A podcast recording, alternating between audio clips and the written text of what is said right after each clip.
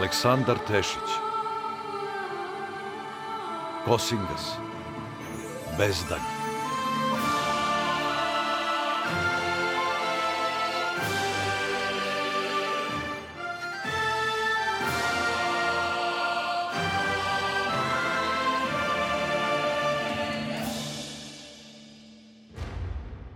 Epizoda 14.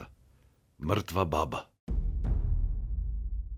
Nedelja, 23. avgust, leta gospodnjeg 6896. Tri dana putova smo do mrtve babe, a cvoku stigle godine pa se klima i klati.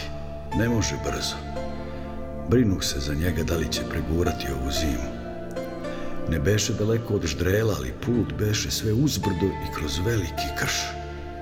Htedo smo da zaobiđemo Vukan i Strahorovo svetilište kako ne bismo nekima izazvali sumnje, pa se odluči smo za tešku prohodnu stazu koju niko više ne koristi. Ali ljudi je izbegavaše ne samo zbog težine, već jedne lepe cvetne livade koja se odvojkada zvala mrtva baba. A koliko beše lepa, toliko beše i ukleta. Možda baš zbog toga što su je i ljudi i neljudi izbegavali, ja sam često tuda hodio, mada svaki put sa zebnjom u srcu. Ova staza je vodila pravo u srce uomulja, pa sam izbegavao puteve koji su previše kružili. Ne smeh ništa da kaže Marku, dok je ne ugledah kako se promalja kroz drveće u daljini. Predložih da predahnemo. A zašto stavimo ovde kad je tamo ona livada? To mesto se zove Mrtva baba. Gradno glimen za tako lepo mesto. Kao da je stvoreno za vile.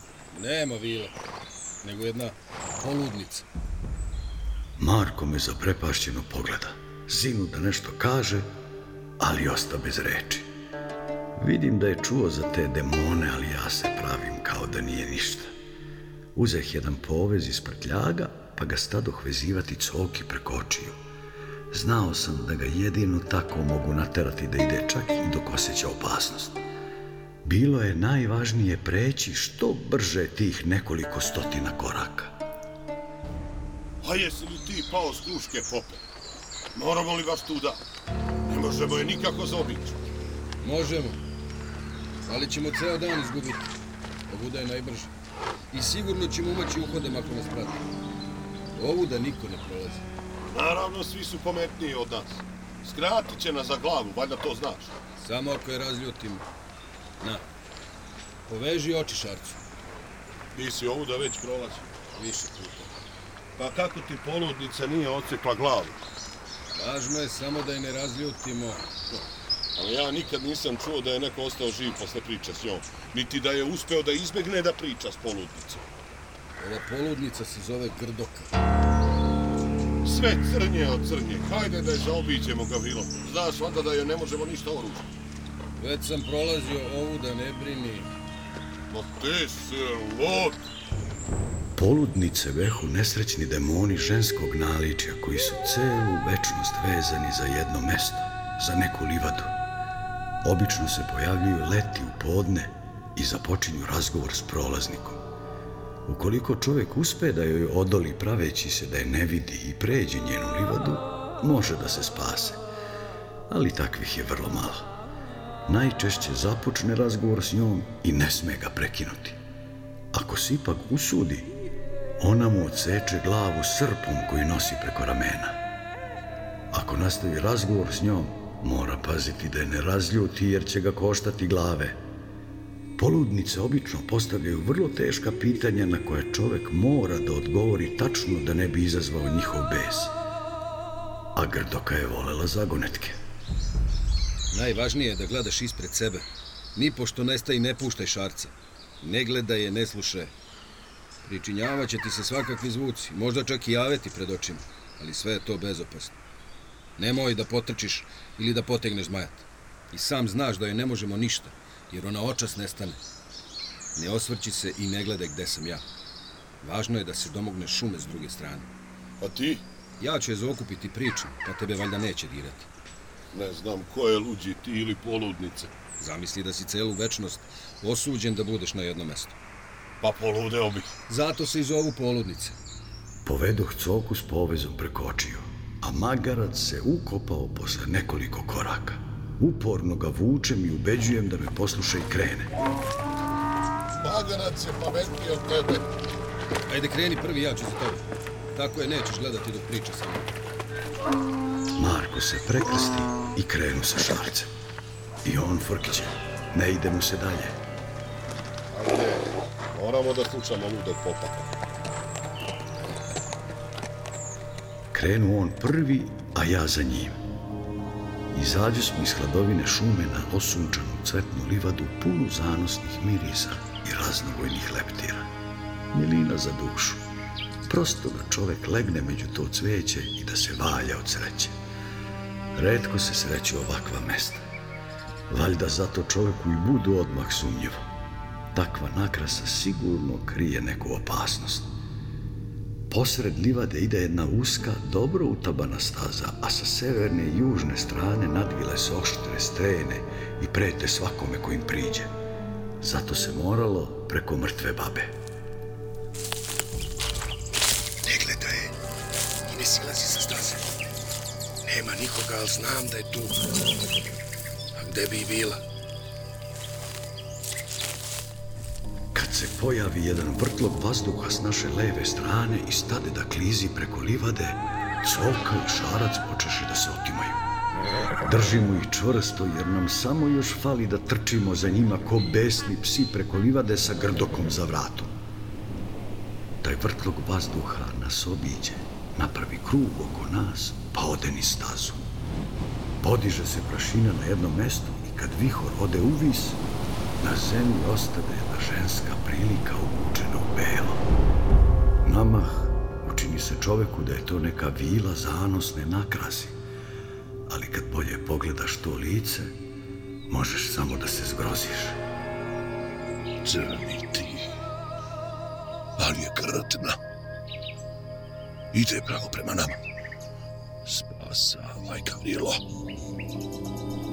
Grdoka i made zanosne ženske obline nije se moglo poreći. Čak joj i riđa kosa beše kao neke vile, ali lice, koščato, usko i dugo, preveliko i ispupčeno čelo, male i kose oči bez obrva, usani, dug nos, sitna usta. Da ne poželiš da je vidiš ni u snu, a kamoli u stvarnosti kako ide prema tebi sa srpom prebačenim preko levog ramena i nadohvatio i ruke. Coka i šarac podivljaše od straha, a i Marko se s mukom obuzdavao da se ne okrene i prvi ne pobegne nazad u šumu. Vidim ja da on neće odoleti grdoki i da će ga to koštati glave, pa rešim da se umeša. Gospodarice cvetne livade, možeš li nas uputiti za Magarčevu čuku? Ona skrenu pogled s Kraljevića, pa se zlobivo osmehnu meni. Prođe pored njega i stade ispred mene. Morah da zastanem, a molim Boga samo da se Marko ne osvrne. Odmah će i njega da uhvati u kolo. Samo ovom stazom hodite i na lepe stvari mislite. Hvala lepa, gospodarice. Hajde, isprati me pa mi vreme skrati svojom pričom razgali mi dušu svojom lepotom. A vrlo rado neznani putniče, s tobom ću se ispričati. Jer među moje bele kaleniče to umem često običati. Evala lepšu poljanu, ne videh vajkada. Imam za tebe jednu vrlu zagonetku. Odgovoriš li, dobit ćeš dar na posledku. Volim zagonetke, jer vreme uz njih brzo prođe. Izlaze nepozvane noću, a preko dana nestaju neukradene. Zanimljivo. Moram da razmislim, dobra gospo.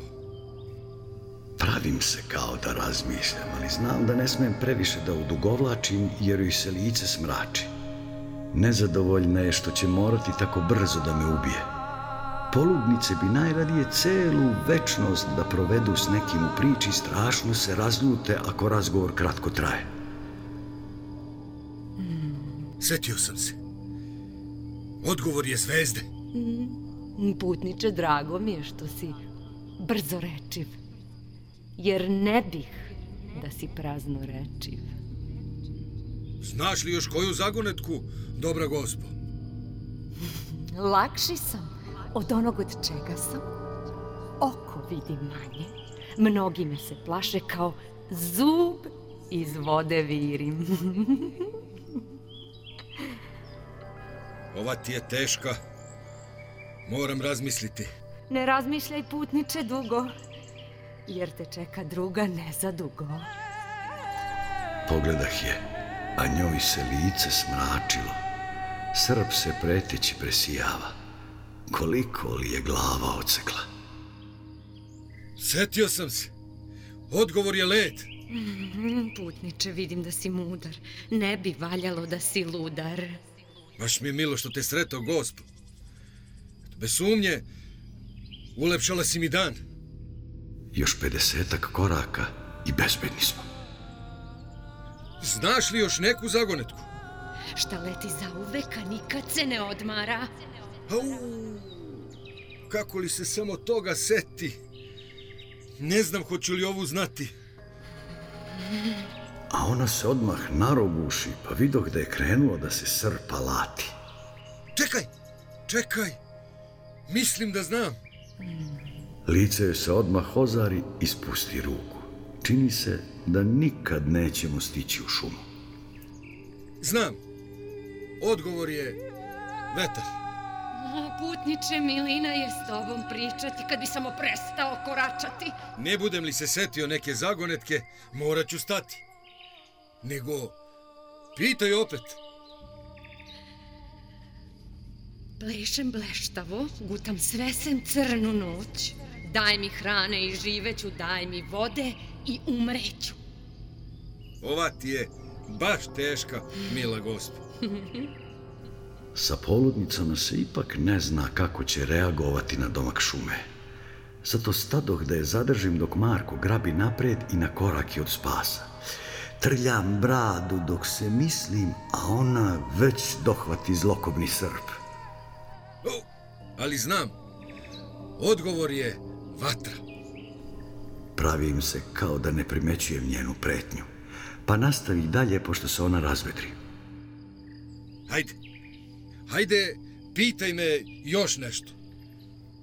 A zašto baš toliko žuriš, kao da za priču i ne mariš?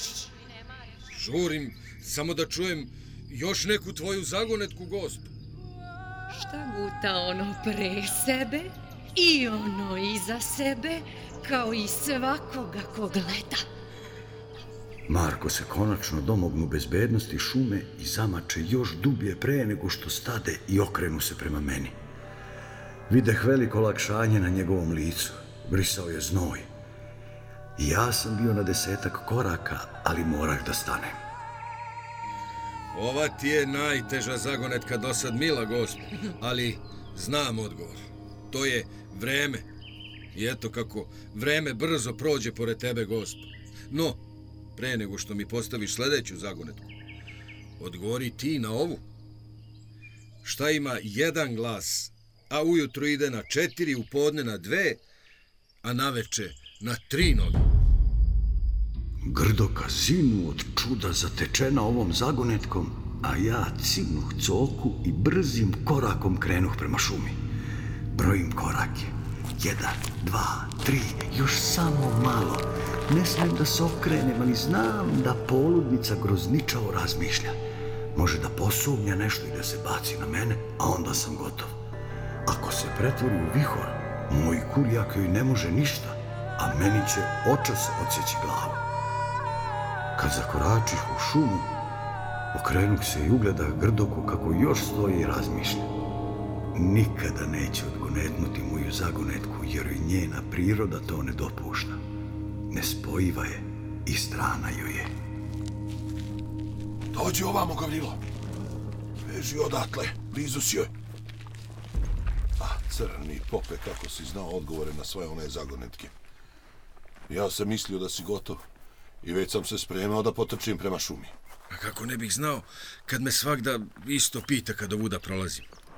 Jadnica. I ne zna za drugo kad je osuđena da celu večnost ovde provede sam. Uvijek isto pita. A zato se nadam da si ti upamtio odgovore na zagonet. Jer ih moraš znati kad budeš ovuda prolazio. No to nije dovoljno. Jer te neće pustiti da uđeš u šumu, iako znaš sve odgovore. Zato je moraš preći i postaviti ti njoj zagonetku koju ona ne zna kako bi se zbunila, stala, a ti da joj umakneš.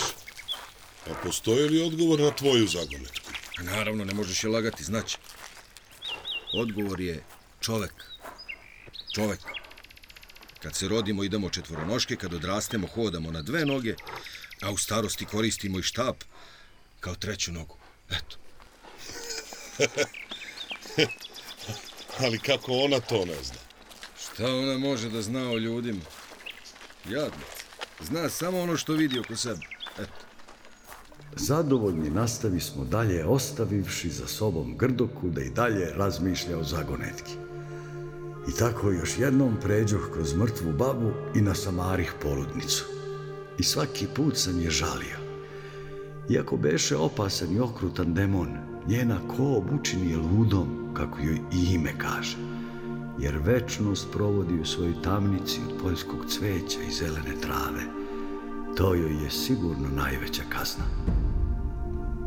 Dalje na istoku čekaše nas Magarčeva čuka. Odatle više dana nas je delilo do rudarskog naselja Patuljaka na šugavom kamenu. Kao i uvek, radovah se ponovnom susretu s tim mudrim i vrednim malim ljudima od kojih sam mnogo naučio i koji su uvek čuvali poneki dobar savjet za mene.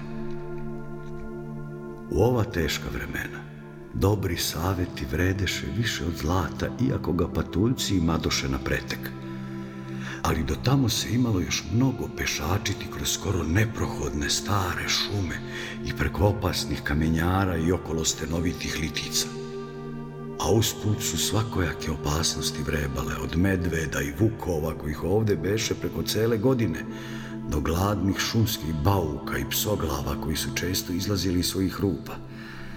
Zbog svega toga mora smo da usporimo korak, pa razdaljine koje dotad lako prelazi smo za jedan dan, Ovde je trebalo prelaziti nekoliko dana. Zato već na žuborovom pogeru mora smo da zanoćimo jer šuma beše toliko gusta, a staza jedva vidljiva od zarasle trave i palog drveća i granja. Plaši smo se najviše za coku i šarca, jer bez njih ovde ne bismo dugo izdržali. A čudno kako se taj magarac i bojni konj slagaše. Možda mi se samo činilo, ali kao ja, i Marko.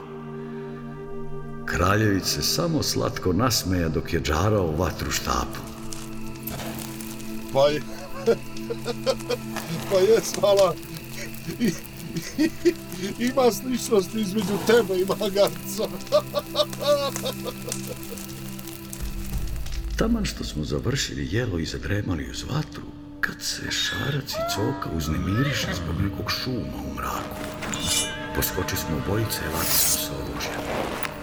Upozorih ja Kraljevića da ovde treba biti posebno obazriv. Ali teško je videti u mraku, pogotovo kad se stoji pored vatre. Obično ume tad da bude i kasno. No kako Coka nije bio mnogo uplašen, pretpostavi da opasnost nije prevelika. Zato se ne iznenadih kad pri svetlu naše vatre iz mraka izroni neki čovek s lukom i strelama na leđima i dugim nožem za pojasom. Činio se kao lovac, onako lagano obučen u krzno. Ali nema de bradu ni brkove, a kosa mu pozadi beše uredno vezana u rep. Želim vam dobru večer. Kao što vidite, dolazim u miru. Zovem se Kalojan. Nego videh vašu vatru, pa se obradovah ljudima posle više dana u planini. Dobro nam došao zemljače. Ajde, ogrej se ovde, noći su već prohladne. Da, da, da. Jesen brzo dođe u planinu, zima nikako da prođe, a proleće uvek kasno. Vidi se da si čovek iz ovog kraja. Hajde, Hajde, priđi, sedni pored vatre. Zagledah ga pažljivo, jer se ljudi ovde redko sreću, ali ne primetih ništa sumnjivo na njemu. Valjda jeste neki dobronamerni lovac. Jesi li ogladneo? Ili možda ožednio? Gladan nisam, ali zato žedan jesam. Pa kad ja dohvatih mešinu sa vodom, on skide svoju tikvicu sa ramena i otvori je. Beše ukrašena svakakvim šarama i bojama i lepo za gledanje. Ja volim rakijati, pa kažu za mene da sam opak rakijaš. Probajte moje rakijetine.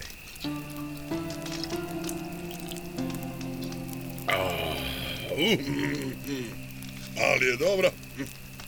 Baš ujeda. Uh, baš dobra, prija nema šta. Sladunjev ukus pomešan s ljutinom. Lako se pije. Ovakve nema po rakijašnicama. Ja. Vidim da ste pravi rakijaši, čak i ovaj pop. Nije lako tumarati vazdan po planinama. Čovjek se zaželi i neke razonode. Rado dočekah rakiju, jer mi vajkada nešto nije ovako prijelo. Posle svih događanja, valja se malo opustiti.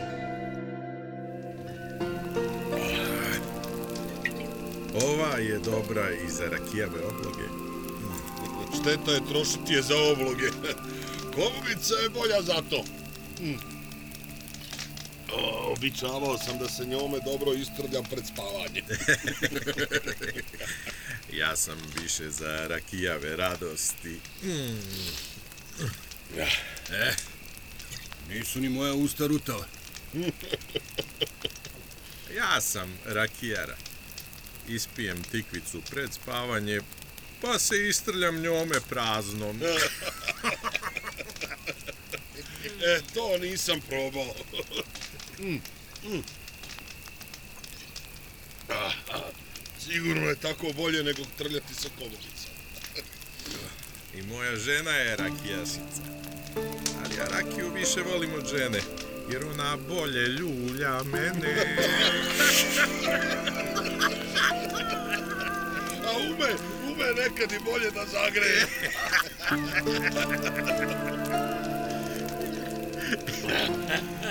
Uh, ne znam za to, a za rakiju znam. Ajde. Dobro, dobro greje zemljače. Ali moja žena je rakijasta, pa nekad smeta.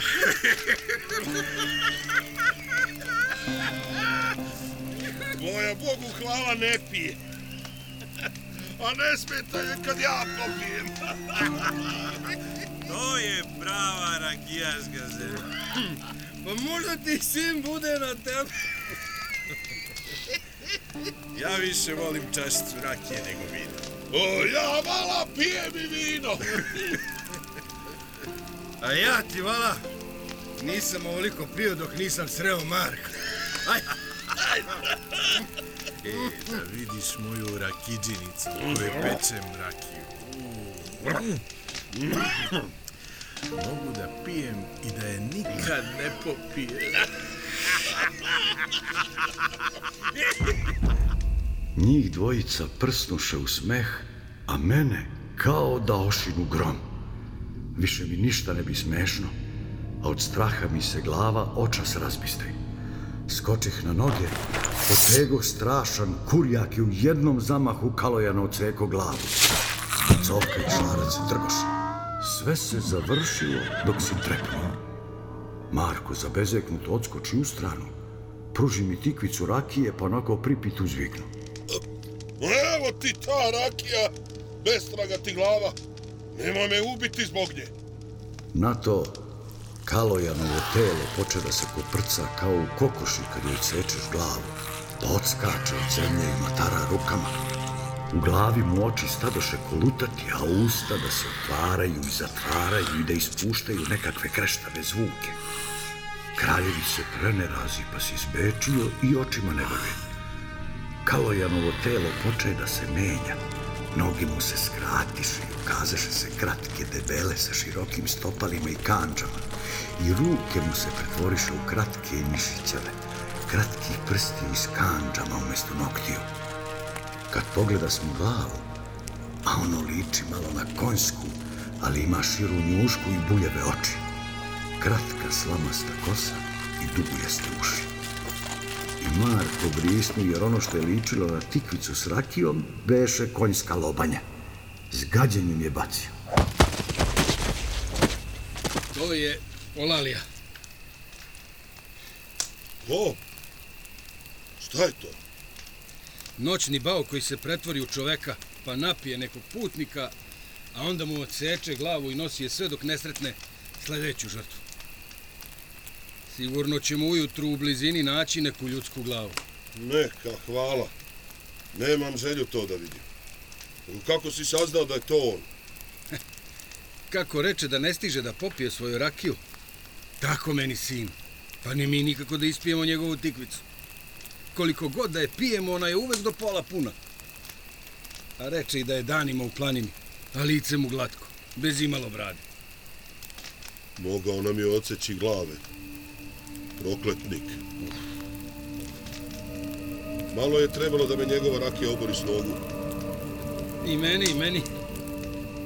Srećom, ulep se izlanuo. Uhvatih ga za noge i odvukoh ga po mraku što dalje od našeg bivaka. Zatim u glavu bacih na drugu stranu što sam dalje mogao. Marko je na sve to s gađenjem gledao. A teško se mirim s tim maucima. Grozni su mi. Ajde, ajde. Opet poseda smo oko vatre. Od uzbuđenja nam se razbistri glava, ali više nismo pili. Niti se Marku spavalo. Još dugo tako sede smo i priča smo o tankoj granici koja razdvaja dva sveta. S jedne strane beše stara vera, s druge hrišćanstvo i obe vuku narod koji je u sredini. A Marko je sve bolje shvatao ulogu Kosingasa i našu borbu koju obe strane osuđivaše, a samo je prost narod umeo da je ceni. Bejak zadovoljan kako se Kraljević menjao i napredovao na putu da postane ne samo ratnik iz proročanstva, nego i Kosingas. Dve najveće titule u jednom čoveku. Setih se reči rimskog cara Avgusta. Nasledio sam ga kao cinu, ostavio sam ga kao mermer.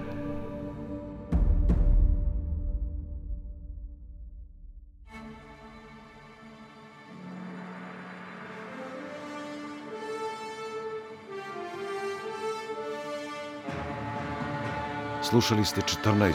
epizodu Mrtva baba. Kosingas Aleksandra Tešića, Bezdanj.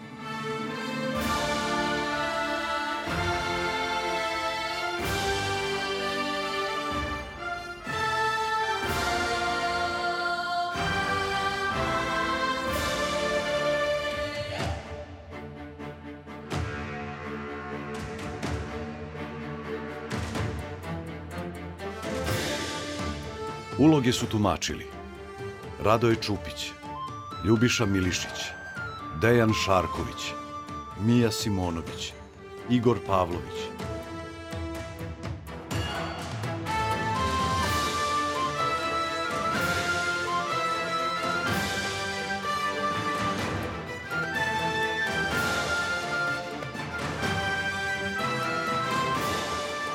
Dizajn zvuka Aleksandar Marković. Ton majstor Milorad Ićitović. Reditelj Manuel Srbin. Kompozitor Nikola Jeremić. Organizator Suzana Simić. Urednik dramskog programa Slobodan Govorčić.